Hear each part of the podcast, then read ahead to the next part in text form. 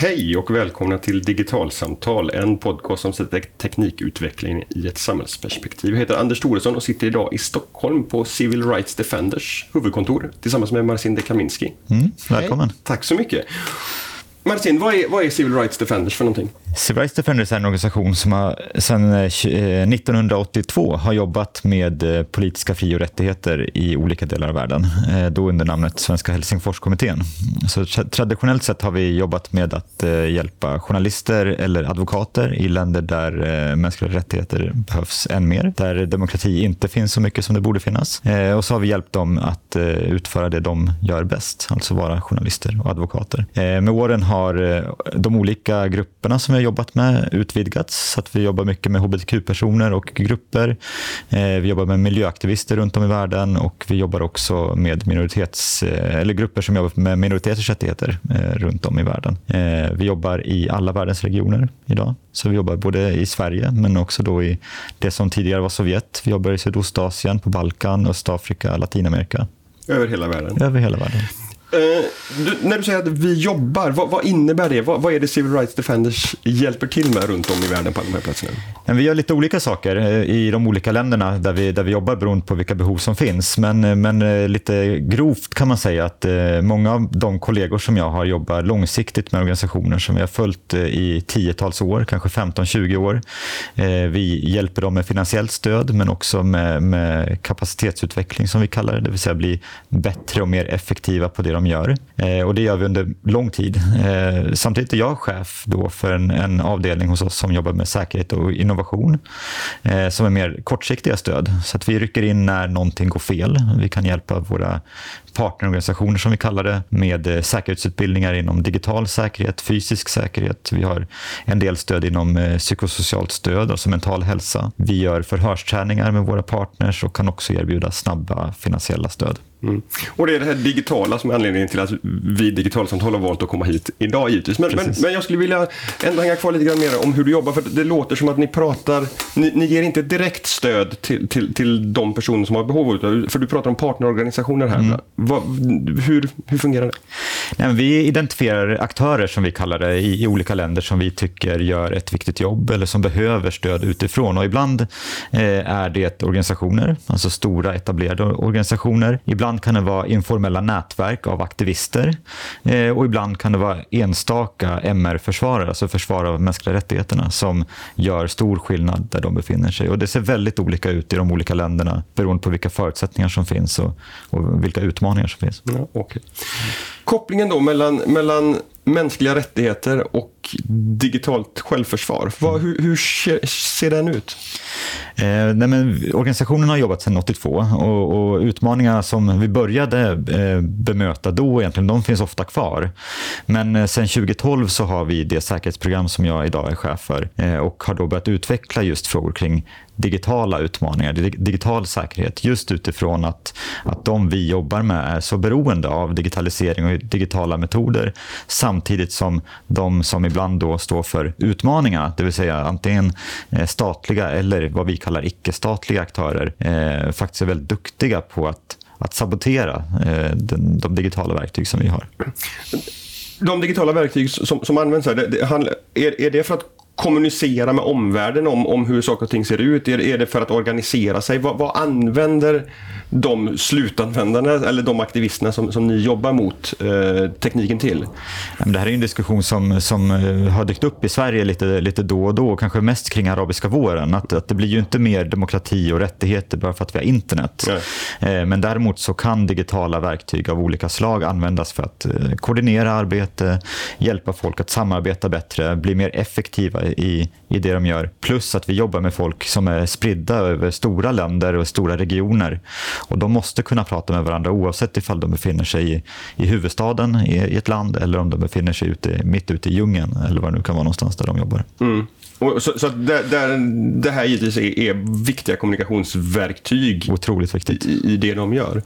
Det skulle inte funka att ha ett aktivt eh, arbete för mänskliga rättigheter idag om man inte hade digitala verktyg. Det är jag helt övertygad om. Eh, men, men vad är det då som, som de här aktivisterna behöver förstå om de digitala verktygen och som, som ni med hjälp av era partnerorganisationer kan, kan bidra med? Nej, mycket av det som de använder är sånt som vi också använder. De använder samma sociala plattformar, de använder samma typ av dokumentation eller kommunikationsverktyg som, som Facebook, vi också är, Twitter, absolut. Google Drive.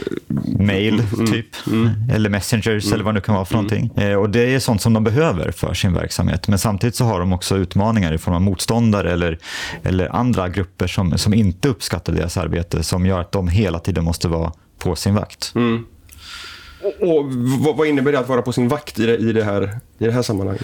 Jag skulle kunna ge några exempel kanske för att, för att mm. underlätta mm. förståelsen. Mm. Till exempel har vi jobbat med organisationer på Kuba under väldigt många år och det de har gjort är att de har kartlagt eh, vad regimen på Kuba, vilka typer av brott mot mänskliga rättigheterna som de utför.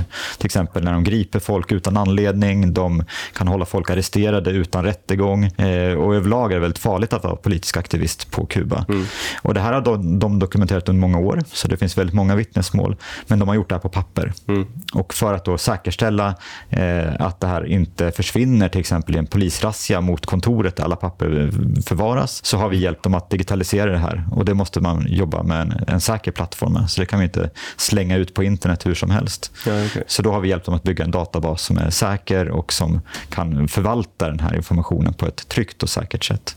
Det, det, blir intressant också därför att ganska ofta jag som journalist, när, när, i, i, i liksom svenska journalistkretsar, där, där lyfts ofta de här mål, molntjänsterna fram som ett potentiellt problem. Mm. Därför att man lägger saker och ting i händerna på amerikanska äh, storföretag, man vet inte vad som gäller.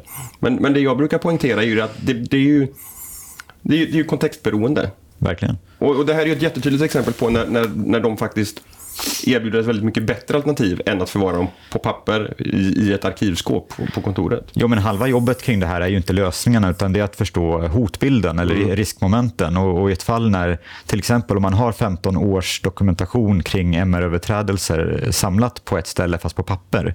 Det är ju inte jättebra. Mm. då är det kanske bättre att distribuera det på internet så att fler kan eh, ta del av det fast göra det på ett säkert och, och, och tryggt sätt förstås. Mm. Eh, en annan eh, ganska nylig händelse rörelse som vi har jobbat ganska mycket med är eh, kring eh, Azerbajdzjan där vi jobbar med, med mediepartners framförallt, journalister och advokater som bevakar yttrandefrihetsfrågor. Där eh, blev en journalist ganska nyligen gripen mitt på, mitt på ljusa dagen av civilklädda poliser. Och det som var intressant när han greps var förstås att han greps. Det, det, var, det är någonting som vi agerar på och jobbar med. Men också att alla hans sociala mediekonton plötsligt aktiverades trots att han satt i förvar hos säkerhetstjänsten. Och det här visar just hur, hur sårbart det är. Eh, att väldigt många av de som, som vi arbetar med, de, de har sina nätverk på internet, de använder sina plattformar. Och det är också den typen av information som säkerhetstjänsten eller poliser eller, eller illasinnade hackers vill komma åt. Eh, just för att kunna förstå hur, hur, de, hur vi är organiserade. När, när du säger att nätverken aktiverades, vad, vad, vad, vad, betyder det i det här sammanhanget? Ja, men till exempel hans Facebook-konto, eh, som han, eh, han eh, deaktiverade sitt Facebook-konto för ett år sedan. Mm. Han vill inte ha kvar det. Men tre timmar efter att han greps så blev det återaktiverat och började liksom, prata med folk. Eh, hans eh, WhatsApp också aktiverad, så man kan se när någon senast har varit aktiv på mm. WhatsApp och det här kontot är under, under bevakning helt mm. enkelt. Och likaså med hans Google-konton och några andra plattformar som han använder. Så det, det, är väldigt tydligt att någonting händer där, trots att det inte är han, mm. troligtvis. Utan han sitter i förvar, har fått besked om att han kommer sitta där isolerad i 30 dagar, men hans konton lever. Och varför då, mm. kan man fråga sig högst troligtvis för att någon vill hålla koll på hans nätverk och kanske ställa till med problem eh, bland de han jobbar med. Mm. Du, du, du, säger att, att hälften är teknik och hälften är att, att göra en, en riskanalys. Konkret, hur, hur, hur, går det till när ni, när ni hjälper era partnerorganisationer, förlängningen aktivisterna, kring de här frågorna? Alltså vi har ett löpande arbete eh, som, som jämt och ständigt pågår, men de, de direkta insatserna som vi gör, eh, gör vi genom att någon av våra experter, antingen här från Stockholm eller de lokala experter som vi har, eh, följer organisationen under ett antal dagar. Det brukar vara två, tre dagar ungefär som vi lägger på en, en sån här riskbedömning, eh, som förstås också baseras på annan information som vi har fått. Och då, då ställer man många ingående frågor. Vi har ett protokoll som vi följer just för att identifiera vilka utmaningar har organisationen haft tidigare. Vad har hänt? Har det hänt något som är skumt som de inte kan förklara? Eller har det hänt något som de kan förklara och är väldigt tydligt att här har vi ett problem? Och sen sitter då våra experter med organisationen och försöker hitta eh, lösningar utifrån de, de förutsättningar som finns. Eh, vi kommer väldigt sällan med stora tekniska paket som, som vi ger dem och säger använd de här verktygen för då blir det bättre. Det är inte liksom ett färdigt installera och, och så Nej, men det, det funkar ju inte för att alla har ju så himla olika förutsättningar och kompetensnivån är väldigt eh, skiftande. Eh, man ska ju minnas att vi jobbar inte med tekniska partners. Alltså de vi jobbar med är inte hackers utan de, de jobbar med någonting som de tycker är viktigt och sen så måste de använda digitala verktyg. Vilket innebär att vi måste börja gräva där de står. Vi kan inte hitta på väldigt svåra tekniska lösningar som de kan använda. Men, men där är det väl också så att de tekniska lösningarna för de här sakerna trots allt blir mer och mer användarvänliga med tiden? Är det, är det inte så att, att det är lättare att hjälpa någon att, att skydda sig på nätet idag jämfört med hur det såg ut för, för 10 eller 15 år sedan? Ja, ja helt klart. Men, mm. men det, kommer också, det följer utmaningar med mm. det förstås. Så att man också måste förstå vad som händer bakom, bakom fasaden. Mm. Eh, så mycket av, av det vi gör är egentligen folkbildning kring till exempel vilken metadata som läcker ifall man använder olika tjänster. Varför det är bättre att använda Signal än Facebook Messenger. Eh, och sånt som, som, som vi pratar om här i Sverige också egentligen. Mm. Som vi borde prata om i alla fall. Men här, här, ni jobbar med i slutändan personer som, som kanske faktiskt gör saker och ting med, med sitt eget liv som, som, som insats. Mm. Um, för mig känns det som en ganska läskig situation att ge råd kring de här tekniska sakerna där saker och ting förändras otroligt snabbt. Mm. Och ett säkerhetshål som upptäcks idag kan, kan liksom riva undan liksom strukturen för någonting som man har trott har varit väldigt säkert. Hur, hur resonerar ni kring liksom den här förändligheten i det digitala landskapet när ni är ute och ger den här typen av rådgivning? Ja, det är därför väldigt mycket av vårt arbete som rör digital säkerhet egentligen inte är speciellt digitalt. Mm. Alltså vi, vi, måste prata med folk om hur de beter sig på internet och vilken typ av information de sparar på vilka ställen. Eh, just för att de ska få ett säkert eh, handhavande, liksom, mm. en, en, säker användning av internet. Men det funkar ju inte att ge dem en säker app och sen åka hem. Eh, så, så funkar det inte, utan det måste vara ett långsiktigt arbete och en löpande kontakt. Eh, och därför har vi folk som sitter och det är ju som en tekniksupport, mm. fast för in, inte för dig och mig. Inte, inte, inte en kom hem-support. Liksom, Utan det är verkligen för folk som sitter långt bort och jobbar med väldigt farliga saker och då måste man vara väldigt försiktig när man, när man pratar om, mm. om lösningar. Mm. Vad är de viktigaste sakerna man behöver förstå Eh, om man är i den här situationen och man använder nätet? Just nu, de utmaningar som vi ser som allra svårast egentligen också att, att eh, knäcka är dels att, att många av apparna som vi har sparar väldigt mycket. Alltså historiken är någonting som är väldigt, väldigt farligt. Eh, det första som händer när de vi jobbar med blir gripna eller som är ganska vanligt att man blir inbjuden till säkerhetstjänsten på en kaffe är att de blir av med sina datorer och sina mobiltelefoner och så blir de genomgångna och skannade.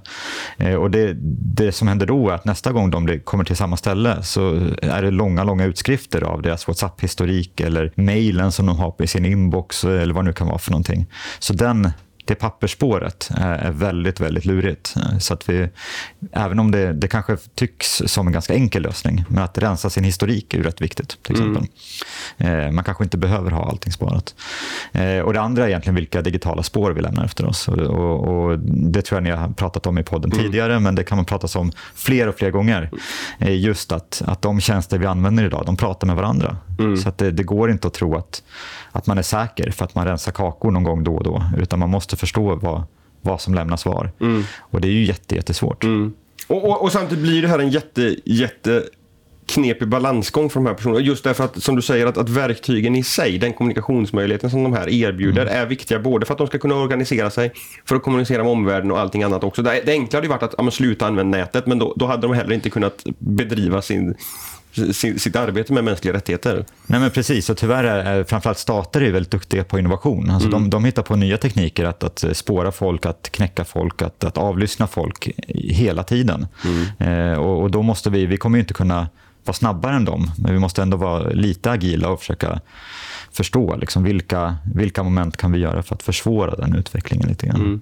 Hur, hur, hur, jobbar ni för att hålla er uppdaterade om den tekniska utvecklingen så att, så att ni kan ge bra råd till era samarbetsorganisationer? Alltså dels anställer vi experter. Mm. Så vi, vi har digital säkerhetsexperter både här i Stockholm och på andra håll som sitter och jobbar med de här frågorna dygnet runt i princip. Mm. De sover förstås och äter och är lediga, men, men det är ju det de gör mm. annars.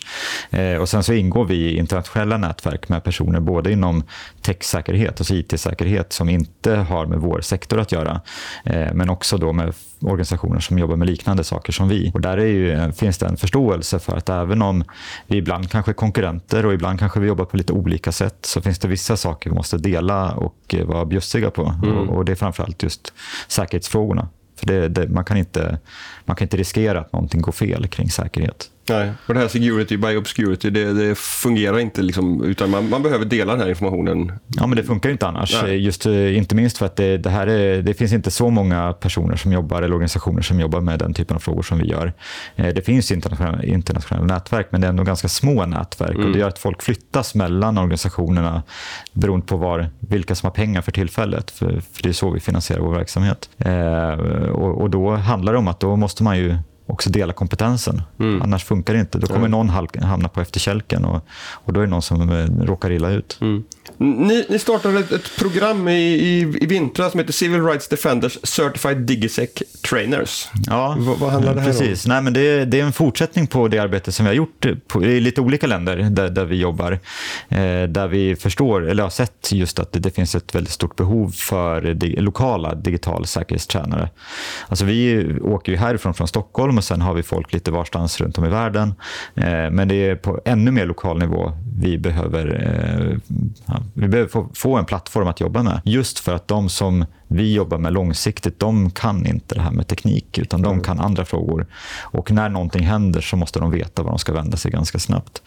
Eh, så, så det vi håller på med nu är att vi har valt ett antal länder där vi jobbar och försöker se till att etablera lokala nätverk som vi sen kan eh, kontakt, eh, hålla, se till att de håller kontakten sinsemellan men också att de då utbyter eh, kommunikation, eller kunskap och information och alltid är på topp men finns lokalt och inte centraliserat eh, helt enkelt. Mm. Och, och när vi, när vi försnackade det här lite i korridoren innan så, så pratade du om att, att, utmaningarna ser lite olika ut i olika delar av världen därför att länder kommunicerar med varandra, polistjänster mm. och, och sådär. Är, är, är, det här också en del i det då, att, att bygga ett motsvarande nätverk lokalt för människorättsorganisationerna så att de också ska kunna dela information på ett smidigt sätt. Jo, men absolut. menar, som global organisation, eller som organisation som jobbar globalt, så har vi en, en ganska svepande generell eh, förståelse för utmaningar runt, runt om i världen. Eh, men de stora utmaningarna är ju lokala. Mm. Så att vi, vi ser hur, blir en organisation hackad på ett visst sätt, så ser vi ganska snart att andra organisationer i samma land blir hackade på samma sätt. Och då gäller det att förstå hur, hur man ska förhålla sig till det just där och då. Eh, Likaså så ser vi just då trender mellan regionerna. Så I vissa länder är hacking väldigt vanligt, i andra är övervakning väldigt vanligt och på ett, en tredje kanske censur är väldigt vanligt. Och Då måste man hitta lokala förmågor som kan förstå hur, hur, hur svängningarna går och vad man bäst kan göra för att skydda sig mot det här. Mm, Okej, okay. därför, därför, att återigen, vi kommer tillbaka till det här att olika hotbild kräver, kräver olika typer Precis. utav motåtgärder. Precis, och vi måste vara förberedda på det som händer och då gäller det att ha så många människor som möjligt i våra nätverk som vi kan aktivera när det behövs helt enkelt. Just det. Eh, har ni någon verksamhet i Sverige? CRS Defenders har verksamhet i Sverige, absolut. Ja. Eh, vi, vi har en, en Sverigeavdelning som jobbar framförallt med eh, strategisk, strategiska fall, alltså rättsfall. Mm. När vi väljer fall som framförallt rör minoriteters rättigheter och så driver vi dem så långt vi kan, både i Sverige och i Europadomstolen ifall det behövs.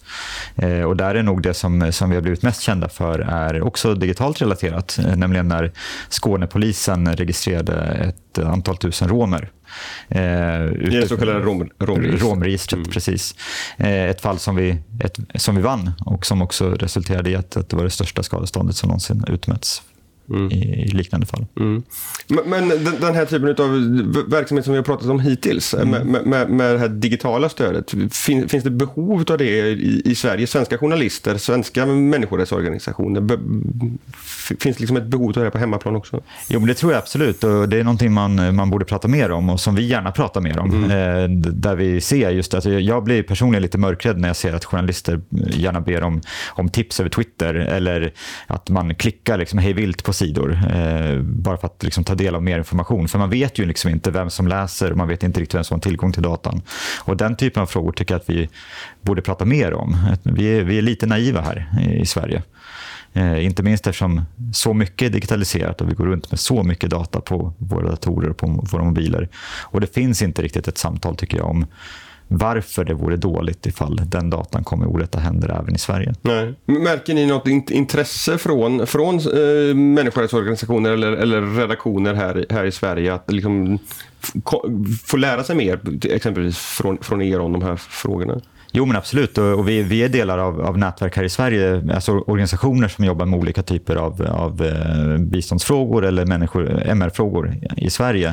Eh, där där vi är en del av det nätverket som jobbar med säkerhetsfrågor kring de organisationerna. Och där, det är verkligen ett, ett högaktuellt ämne, framförallt informationssäkerhet. Alltså vad, hur hanterar man digitalisering av organisationer på ett sätt som gör att data inte läcker? Mm. Till exempel är, är väldigt eh, populärt att prata om. Mm.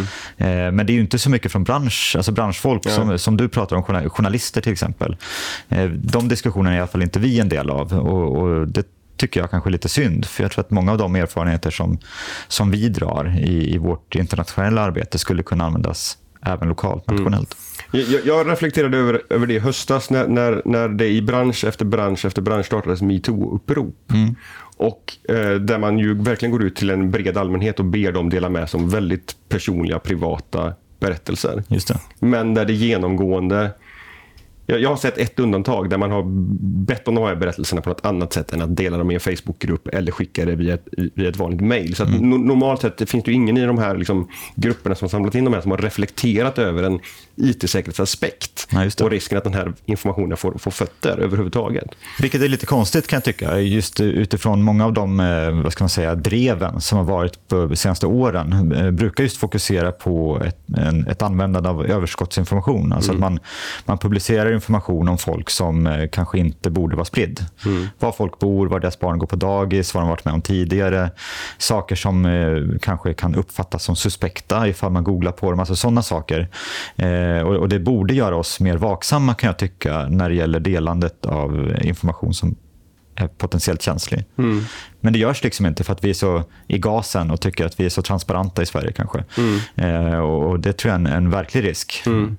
Ja, men, men dels det, men också tänker jag en, en, en bristande grundförståelse för vad, vad ett e-post egentligen är. Mm. Eh, precis det som, som, som, du är inne på, att, att eh, att kunna göra riskbedömningen. Det, det jag skickar nu, är det, är det känslig information eller är det inte känslig information? Och är det känslig information, hur bör jag då hantera det för att känna mig trygg med att lämna det här vidare med hjälp av internet? Precis, och det är, jag tycker det är lite spännande för att eh, vi, vi lever i ett av världens kanske mest digitaliserade länder. Och eh, jag skulle ju hoppats någonstans på att grundförståelsen kring hur teknik funkar är högre. Eh, men det är inte, utan vi ser mycket bättre förståelse för utmaningar, hot och risker bland de som vi jobbar med. Och det är förstås okay. att, att de de jobbar med väldigt riskfyllda uppdrag förstås. Men det är fortfarande så att de är inte techis. De, de, förstår inte alltid digitalisering. Eh, men de har blivit tvungna att lära sig. För att annars så går det fel och de har inte råd att göra fel. Eh, Medan vi här i innovationslandet Sverige, vi är, vi är tuffa på mm. och tar emot det som kommer. Liksom. Mm. Jag, jag, vill komma tillbaka till det här i, i att liksom bottna i att känna trygghet i att den tekniken som vi använder nu, den är, den är good enough. Jag, jag, jag, jag har som journalist inte behövt använda krypteringsverktyg jättemånga gånger för att jag känt att jag har källor som jag behöver. Mm. Eh, för, för jag, jag, gör inte den typen av journalistik normalt sett. Men, men vid, vid några fåtal tillfällen så, så har jag behövt eh, kryptera med PGP eller något sånt där. Och, och, jag har upplevt att den situationen har varit väldigt läskig. Därför att den, jag, jag, det har varit personer som finns i andra länder som jag har intervjuat via e-post, via, krypterat via PGP. Personer som då faktiskt tar en, en, en risk mm. att, att ha kontakt med mig. Jag sitter liksom tryggt på mitt kontor här. Um, hur, hur, hur ska man bygga upp en, ett, ett, ett självförtroende för att man faktiskt kan tekniken så pass väl så att man vågar använda den?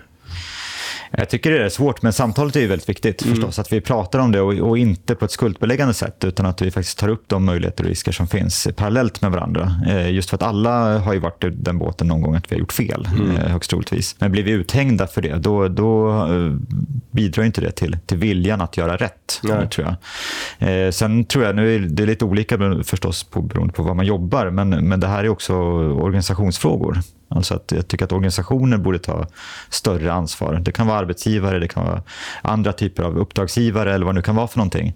Att eh, faktiskt förmedla att vi har ett ramverk som vi betraktar som säkert och då använder vi de här metoderna. Just för att inte alla ska behöva freestyla och gå lite på feeling, så där, vad, vad de tror är säkert. Jag tror att det, det behövs fler ramverk och policies kring, kring det här. Mm.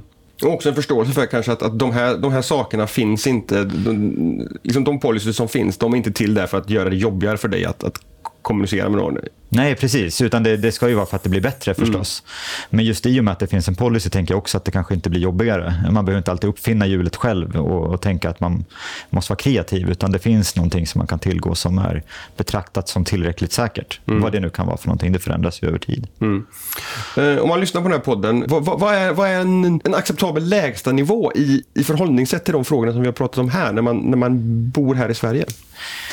Jag tycker att man, eh, det har pratats så mycket om olika typer av digitala hot och utmaningar även i Sverige och jag tycker att man, man borde ha lyssnat på den diskussionen mer. Alltså jag till exempel tycker att vi borde prata mer om, om kakor, till exempel cookies på internet och inte bara tycka att det är jobbigt för att vi klickar OK på alla sajter som vi kommer till utan också förstå vad det handlar om. Eh, jag tycker faktiskt att vi borde ha lärt oss någonting kring det. Även GDPR är en sån där sak som är jobbig för att vi har fått massa mejl i vår inbox men vi kanske borde förstå vad, vad det egentligen handlar om. Eh, så komplicerat är det ju inte. Nej. Utan jag tror att det är många, här, även här i Sverige, som rycker lite på axlarna och säger att det där är någonting på internet. Jag mm. fattar inte riktigt. Eh, samtidigt som det påverkar hela vår tillvaro och vardag. Och just de här två sakerna tänker jag är extra viktiga. Alltså digitala spår och personuppgifter. Eh, det, det, borde vi ha fattat, kan jag tycka. Mm. Bra. Eh, Marcin, tack för att vi fick komma till Civil Rights Defenders och prata om IT-säkerhet, digital säkerhet och mänskliga rättigheter. Tack så jättemycket. Tack, så mycket. tack för att ni kom. Tack.